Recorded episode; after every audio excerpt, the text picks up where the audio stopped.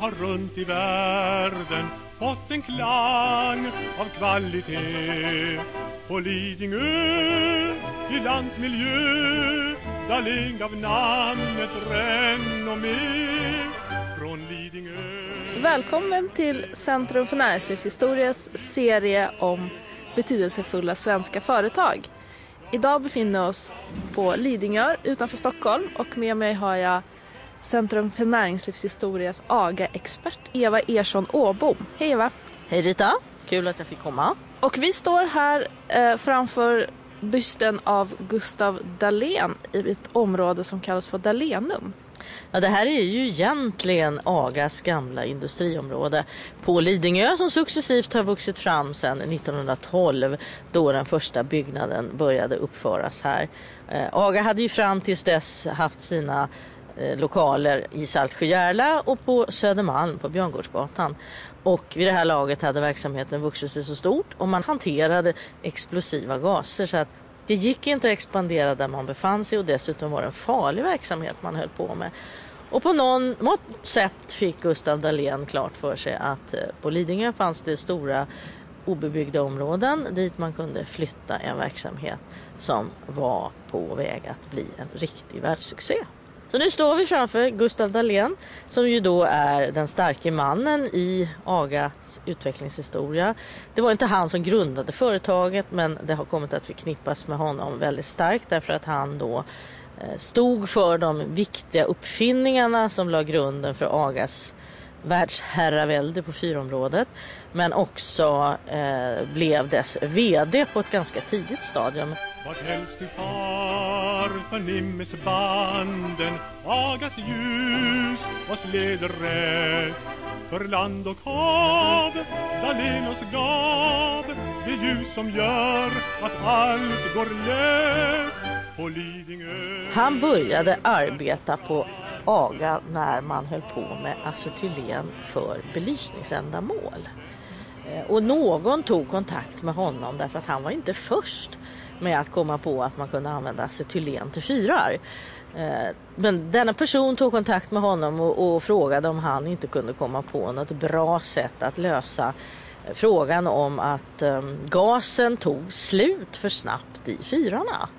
Man satte dit de här gastuberna och så lyste fyren en hyfsat lång stund och sen slocknade den och man var tvungen att byta de där tuberna alldeles för ofta och det blev för dyrt. Och det var väl bara i liten skala man hade börjat använda det där. Men Gustav Dahlén han tog ju på sig att försöka lösa den där frågan och successivt så kom det ju då en rad nya uppfinningar som kom att så småningom kallas för det samlade begreppet Agas fyrsystem. Men de kom inte i ett slag. Men de delar som var det viktiga i dem det var den så kallade klippapparaten som gjorde att eh, gasen matades på lite grann i taget utan att lågan riktigt slocknade. Vilket gjorde då att gasmängderna räckte mycket, mycket, mycket längre än vad de hade gjort tidigare. Sen uppfann han också solventilen som släckte och tände fyrbelysningen utifrån hur solen gick upp och ner. Vilket också ledde till att man sparade väldigt mycket gas. Och sen så skapade han agamassan som man då kunde stoppa ner i de här gastuberna. Det som ju då ligger i namnet aga, alltså aktiebolag gasackumulator, en gasackumulator är ju då en gastub. Eh, och den här speciella massan som han skapade gjorde då att det inte blev så explosivt att hantera de där tuberna längre utan eh, man kunde på ett mycket, mycket tryggare sätt frakta runt stora tuber med acetylen. Så det blev ju då ytterligare en del i det här och så småningom uppfann han också den automatiska glödnätsbytaren vilket gjorde att man kunde då ha de här glödnäten som var det som lyste i fyren de byttes automatiskt. Man behövde inte åka ut dit och byta ut dem utan det kunde maskineri göra. Och sen var det klart. Och det intressanta var ju då att den där solventilen som ju då var den viktiga delen som väl egentligen aldrig vidareutvecklades. Den tillverkades fortfarande långt in på 50-talet enligt de första specifikationerna egentligen. Rolf Melander var med och tog emot en fyr som suttit i en inloppshamn i Göteborg. Ja just det, på en Dyktal. Det var en, en klippljudsapparat. Man hade sett att det i 50 år och det var en boxerare som körde på den där. Så då tyckte de skulle passa på att skicka den till Aga för översyn. Eftersom han hade gått där i 50 år. Det var visserligen inget fel på den. Men eh, den såg ut som en skabbig dassråtta. Så att eh, vi fick ut den och sen så ehm, var vi naturligtvis väldigt intresserade för vi hade kort på varenda apparat som levererades. Va? Och konstaterade att den hade levererats 1908 och nu var det 1958. Det första vi gjorde så provade vi apparaten och den gick exakt med den karaktär som man var inställd på 50 år tidigare. Perfekta. Sen skar vi av vassa måsgeggan på den där så att man kom åt skruvar och sånt. Och när vi öppnade den såg han ut som man hade satt ihop en dag innan. Alla ståldelar blanka fina, membranerna var smidiga fina, lagom inoljade. En otrolig syn. Och hela grejen med de här uppfinningarna var ju att plötsligt så kunde man börja sätta ut fyrar runt om i hela världen. Och det la ju då i sin tur grunden för hela AGAs internationella expansion. För praktiskt taget alla länder i världen som hade en kust blev ju en marknad för AGA. Och väldigt tidigt så, så hade man ju då blivit etablerad på alla marknader i Latinamerika utom Bolivia, för Bolivia har ingen kust. Eh, och eh, den riktigt stora genombrottet hade väl egentligen kommit 1912 där eh, AGA lyckades placera en stororder för fyrbelysning till Panamakanalen. Och i och med att man hade fått den där orden så låg vägen öppen för resten av Latinamerika och en väldig massa andra marknader också. 1912 var ett viktigt år på andra sätt också. Kan du berätta lite om det? Ja, det lustiga är ju att det är väldigt mycket i Agas historia som dimper ner 1912. Först så är det ju det att man bestämmer sig för att man ska flytta till Lidingö. Det har man nog gjort redan innan man får den här viktiga ordern till Panamakanalen men den kom ju också 1912. Och på höstkanten där så eh, håller eh, Gustav Dahlén och ett antal av hans ingenjörer på med experiment kring att se hur man kan hetta upp gastuber utan att de exploderar. Eller rättare sagt hur hett man kan hetta upp dem innan de exploderar ute på en gård eh, utanför Stockholm som intressant nog tillhör Lars Magnus Eriksson, det vill säga Erikssons store grundare. Men experimenten bedrivs där då i något slags grustag och eh, man, man, bränner på bara 17 och en av gastuberna exploderar inte. Och det borde ju den som är så intelligent som Gustav Dahlén var ha förstått att den tuben ska man nog inte närma sig. Men det gör han. Så han går fram till den där tillsammans med en av sina medarbetare och då exploderar tuben rakt upp i ansiktet på honom. Eh, och han blir mycket, mycket illa skadad och ligger och svävar mellan liv och död ganska länge men återkommer. Men det som aldrig återkommer är ju hans syn. Han är och förblir blind efter den här olyckan. Och så småningom då på höstkanten började det bli dags för Nobelkommittén att utse vem som ska få årets Nobelpris i fysik. Och eh, man kommer fram till att Gustav Dahlén ska då få priset i fysik för sina fyruppfinningar, det vill säga klippapparaten, solventilen och agarmassan är väl med på ett hörn också. Eh, och det Nobelpriset har han sedan ingen möjlighet att hämta själv för han är fortfarande konvalescent. Utan det hämtas då av hans bror. Och det var ju intressant därför att de var ju bondsöner båda två men väldigt begåvade så att eh, Gustav Dahlén blir ju då den store företagaren, uppfinnaren och brodern blir en mycket framgångsrik ögonläkare. Men det är han som får ta emot priset i Gustav Vs hand, inte Gustav Dahlén själv. Så på ett och samma år så är det liksom katastrof, världssuccé och total flytt av verksamheten med nyetablering på Lidingö. Vilken ödets ironi att hans bror blir ögonläkare medan eh, Gustav Dahlén blir blind. Ja, det kan ju låta som en, en påhittad knorr men det är faktiskt sant. Du nämnde ju Gustav de Laval och eh, sen så var de ju även på Lars Magnus Erikssons, Erikssons grundares gård. Hur förhöll sig Gustav Dahlén till de andra snilleföretagen som var verksamma på den tiden? Jag tror att de nog nästan kände varandra allihopa. Antingen därför att de var eh, uppfinnare och mötte varandra i den kretsen eller för att de hade varit studentkamrater eller de kände varandra genom gemensamma intressen. För att i den här kretsen dyker ju också Axel Wennergren upp för att eh, Gustav Dahlén var faktiskt med på ett väldigt tidigt stadium i Electrolux historia också. Och eh, även bröderna Ljungström, de som eh, så småningom blev väldigt stora på, på turbiner eh, finns med i den här kretsen och de var faktiskt föregångare till honom på Lidingö och jag har själv funderat på om det finns kopplingar till att han valde Lidingö för sin expansion om det hade att göra med den bekantskapen men det är mer en fundering från min sida. Det finns flera andra sådana där tunga namn. De skulle nog egentligen koppla armkrok och rymmas i ett rum. De där på den tiden hyfsat unga männen som la grunden för väldigt mycket av det välstånd som vi har i Sverige idag. Dr Dahlén, sedan han blev blind så gick han på verkstäderna och varje vecka var han ute och tog en ronda, en här, en där. Och det, det skapade ju en väldigt god anda. För han pratade med alla människor och, och, och, det var inget högtidligt utan det var man tog det inte som annat än att han, han eh, ville följa med och veta hur det går både med produkterna och hur, hur personalen har det. Det, det förklarar till stor del eh, Agas enorma framgångar. Inte bara på Lidingön utan han byggde ju upp ett eh, nät över världen som var helt enastående på den tiden.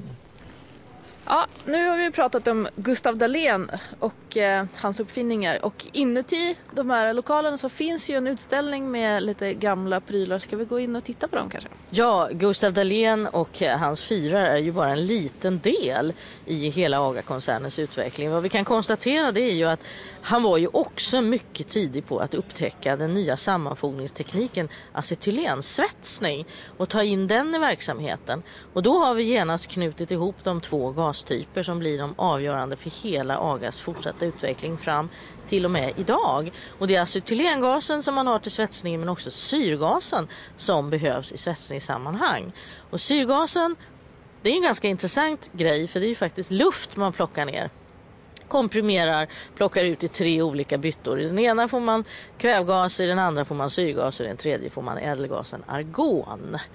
Och den byggnad vi har framför oss här nu som inrymmer det svenska huvudkontoret idag det var förr i världen den stora innovationsavdelningen. Och inom dess väggar har många, många nya uppfinningar provats fram och också tagits i någon form av kommersiell form i bruk för försäljning.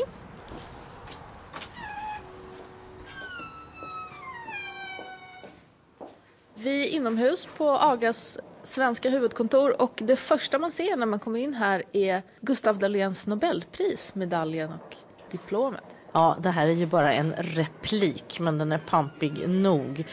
Kungliga Svenska Vetenskapsakademin har vid sin sammankomst den 12 november 1912 i enlighet med föreskrifterna det av, i det av Alfred Nobel den 27 november 1895 upprättade testamentet beslutat att överlämna det pris som innevarande år bortgives åt den som inom fysikens område har gjort den, vad står det? Viktigaste. Den viktigaste upptäckt eller uppfinning till Gustav Dahlén för hans uppfinningar av självverkande regulatorer att i kombination med gasackumulatorer användas till belysning av fyrar och lysbojar. Mycket guld och mycket pompa och medaljen ligger också här i kopia och den är stor och den är gyllene och självklart föreställer den ju Alfred Nobel och inte Gustav Dahlén. Och titta fyren där. Ja, det här är ju en eh, tradition som man fullföljer än idag. Att varje eh, Nobeldiplom är unikt utformat utifrån mottagaren. Så här har man ju då på diplomet också en lysande fyr och man har massa andra fina symboler. Om vi tittar oss omkring här så ser man ju att AGA är väldigt måna om sin historia och väldigt stolt över det. Man har en väldigt fin utställning, historisk utställning där man kan följa företagets eh, steg från Dahlén och Nobelpriset till AGA, kommer till Lidingö till vad företaget är idag. Det är inte bara bilder utan även lite föremål och bland annat några av de uppfinningar som varit banbrytande och viktiga för företaget.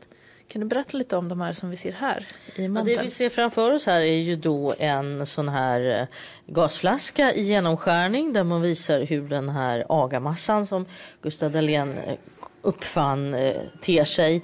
Den som gör att acetylengasen inte längre är explosionsfarlig. Det finns eh, en väldigt tidig eh, gastub som jag föredrar att kalla det. Eh, här finns klippapparaten, solventilen, de två andra delarna. De som han fick Nobelpriset för. Just det. Och sen har vi också en gammaldags gasbelysning för man hade ju faktiskt acetylen till annat också. Eh, inte bara till fyrar utan för andra typer av belysningsändamål. Och man kan ju fråga sig varför höll man på med det här då? Elektriciteten höll ju på att slå igenom men eh, det är inte så konstigt egentligen därför att fyrar finns ju på ställen dit det inte finns några elledningar. Utan man var ju tvungen att hitta något form av belysningsmedium som fungerade utan att ha någon stor komplicerad infrastruktur som elkraft kräver. Så att eh, ja, acetylengasen den fick sin givna plats där. Sen har vi ju andra eh, storslagna eh, uppfinningar också för att eh, Aga fick ju med tiden ett ganska vildvuxet träd med nya uppfinningar där det ena gav det andra. Och där kom man via den här klippapparaten in på medicinteknik också. Och det är några sådana uppfinningar vi har framför oss här och det är väl kanske ett ödes ironi att när Gustav Dahlén låg för sitt yttersta så blev han behandlad med den så kallade agaspiropulsatorn som först söver patienten och sen ger konstgjord andning. Och den bygger på hans egen klippapparat. Gustav Dahlén var ju en uppfinningsrik person och han omgav sig ju med andra uppfinningsrika personer. Och ur de här grunduppfinningarna och grundteknikens svetsning föddes det ju nya produkter, nya tillämpningsområden för de här teknikerna. Så med tiden så la man sig ju till med radioteknik. Man la sig till med eh, man var väldigt tidigt ute på filmteknik, både på projektorer och filmkameror. Eh, Ingmar Bergman har gjort några av sina mest framstående filmer på AGA-teknik. Man hade tv-tekniken och var väldigt tidigt ute där. Och en av de drivande personerna då, det var Hans Werthén som sedermera blev legendarisk verkställande direktör på Electrolux. Men eh, tidigt, tidigt ute med tv-teknik i Sverige. Och här ser vi en, en tv-apparat bland utställningsföremålen. En väldigt platt fyrkantig låda. Ja, den är egentligen eh, designad för att fungera i dåtidens ganska små bostäder för den är gjord för att kunna stå i ett hörn. Och tv-tillverkningen blev extremt framgångsrik för AGA. Man ökade och ökade och ökade för år från år från år från år och hade då också en stor fabrik för tillverkning av tv-apparater i Gävle. Så småningom så blev marknaden mättad och den verksamheten avvecklades. Vi kan också se en annan verksamhet som var tidigt ute men blev ganska kortlivad. Det var när AGA tillverkade bilar. Och de gjorde man inte i Sverige utan de gjorde man i Tyskland. Och man kan till och med säga att AGA faktiskt tillverkade den första folkbilen. Eh, en tidig föregångare till det som blev Volkswagen. Den skulle vara billig och behändig. Eh, den blev aldrig någon jättesuccé men den lyckades väldigt väl som taxibil i bland annat Berlin. Och vi ska inte glömma hans fantastiska spis som han eh, konstruerade. Fast han inte såg kunde han då utveckla en helt ny typ av spis som var bränslesnål som kom 1929, blev en världsframgång och faktiskt än idag tillverkas i nya versioner. Jag såg en häromdagen som är helt elektronisk. Kostar 150 000 kronor, väger 500 kilo och är helt fantastisk. Allting skulle vara så praktiskt och bra för pappa. Och mm, på Lidingö så hade vi ju ingen gas. Det fanns ju på, eh, i stan och de flesta förorterna men inte på Lidingö. Och elektriska spisar fanns ju inte heller i början på 20-talet. Utan alla familjerna här så mm, eldade man och lagade sin mat på vedspisar. Och det tyckte pappa var förfärligt opraktiskt och oekonomiskt framför allt. Han sa det är ju som att elda för kråkorna för hälften av värmen går ju ut genom skorsten. Så han funderade nog länge på hur han skulle kunna göra en bättre spis. Och sen vet jag Mamma berättade att en morgon när de hade legat på nattåget ner till Tyskland så sa pappa förtjust att nu vet jag hur spisen ska konstrueras, hur den ska fungera. Och då hade han väl löst principen. Men sen dröjde det ganska länge och mycket experimenterande innan den blev färdig att släppas ut på marknaden.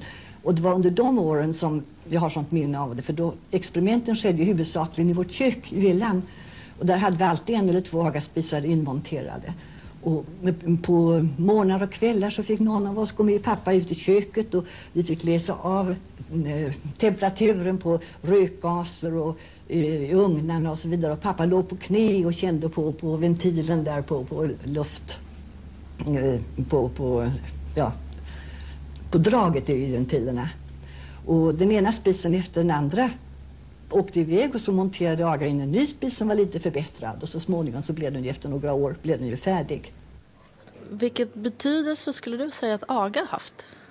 Oj, den går inte att uppskatta därför att eh, Först har man ju då Gustav Dahlén som den enorma förebilden, den positiva kraften han var. Fastän han var blind så försökte han ju uppmuntra och stötta andra och han, ble, han blev ju berövad sin förmögenhet flera gånger och han kom igen och på det sättet kunde han ju då inspirera andra. Men sen hela den här enorma produktfloran med den bredden tekniskt som kom fram inom agavärlden har ju haft eh, kolossal påverkan på en rad andra teknikområden inom, inom den svenska verkstadsindustrin på den tiden. Idag är man ju mer ett kemiskt tekniskt företag i och med att man sysslar med gasen. Men eh, det går inte att uppskatta. För den som vill veta mer om Gustav Dahlén och hans gärning och Agas utveckling finns det ett jättetrevligt litet museum i Stenstorp i Västergötland som heter Dahlénmuseet. Där kan man hämta information på plats men man kan också hitta information därifrån på webben. Jag rekommenderar varmt ett besök. Och med det säger jag tack till eh, vår AGA-expert Eva Ersson Åbom från Centrum för näringslivshistoria. Och eh, jag säger också tack för mig. Rita Feldman heter jag och vill du höra mer om svenska företags historia så finns vår poddradioserie på www.näringslivshistoria.se. Vi hörs! Sterka stranden sjunges av egen sång. Den om fyren får vara. Vår honnör blir miljö, vår honnör blir miljö, vår honnör.